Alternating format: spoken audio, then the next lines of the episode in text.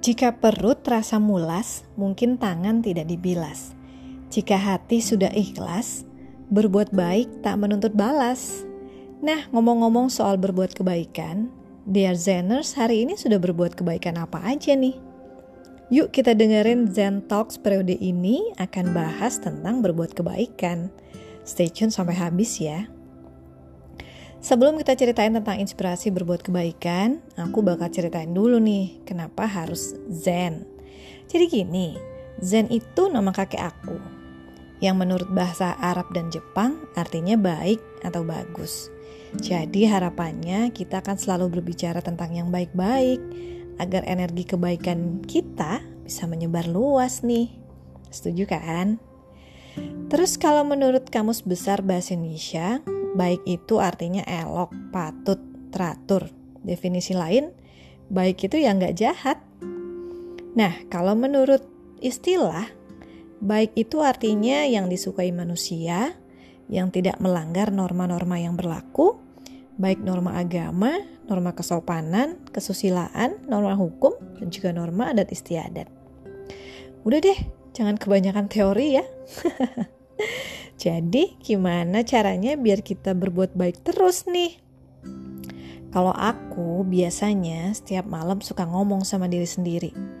Eh, hari ini sudah berbuat baik apa aja nih buat orang lain? Duh, dia belum ya?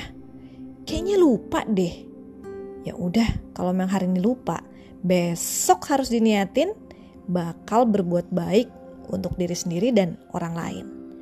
Yang paling mudah sih, coba deh Besok pagi, setiap bangun tidur, buka mata, langsung ucapin Alhamdulillah. Terima kasih ya Allah, hari ini aku bisa bangun tidur dan akan menikmati hari-hariku dengan segala kebaikan yang akan aku lakukan.